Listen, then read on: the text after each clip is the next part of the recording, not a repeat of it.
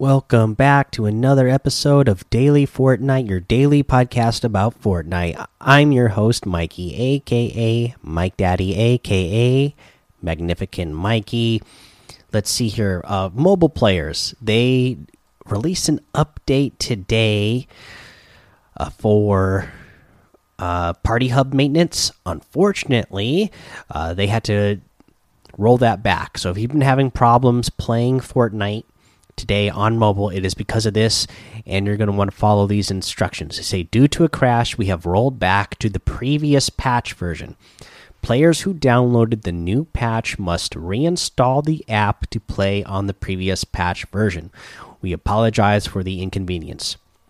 So, if you at some point today noticed that there was an update on mobile, you downloaded it, and then you played, uh, there was a crash uh, about an hour later.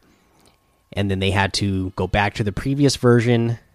And, you know, there's not another patch to do that. They just had to roll it back. So you actually have to, you'll have to delete the app, the Fortnite app from your phone, and then re download it. And that is how it will start working again. Uh, and then if you're an Xbox player, the Xbox Live services were down earlier today.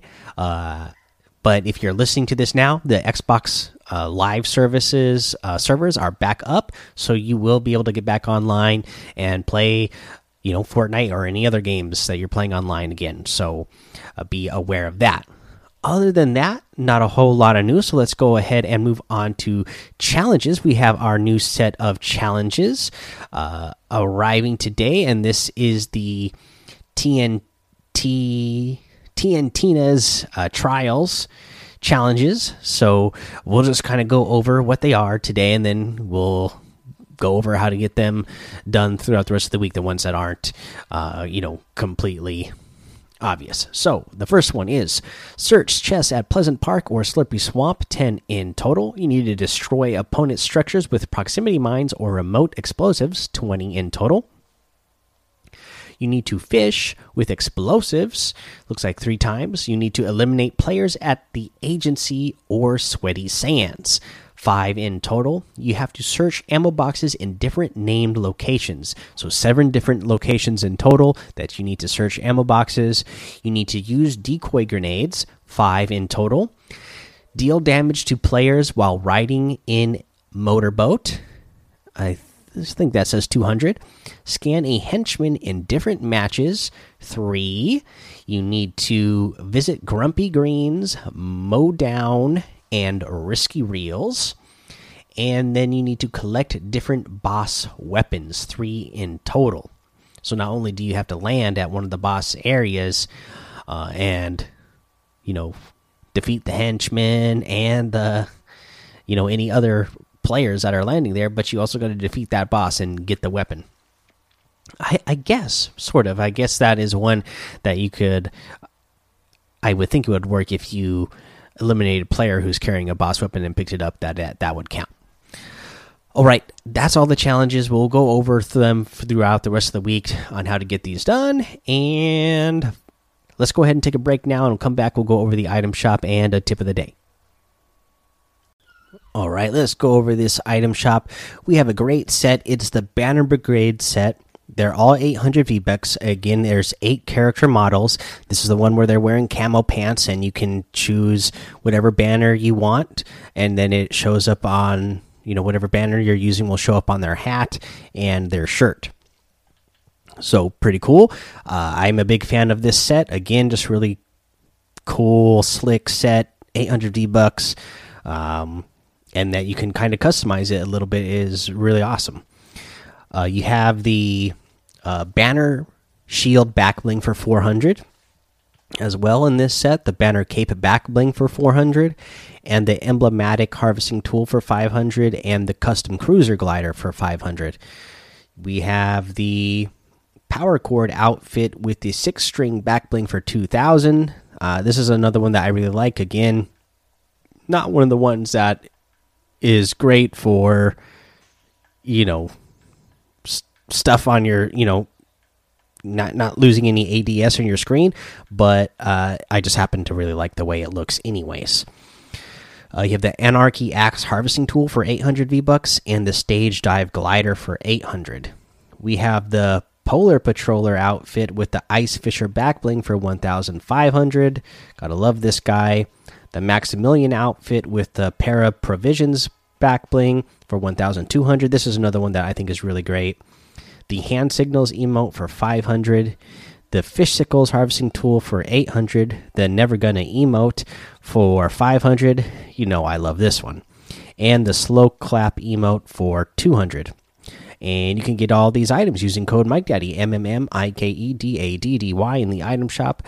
Uh, and some of the proceeds will go to help support the show.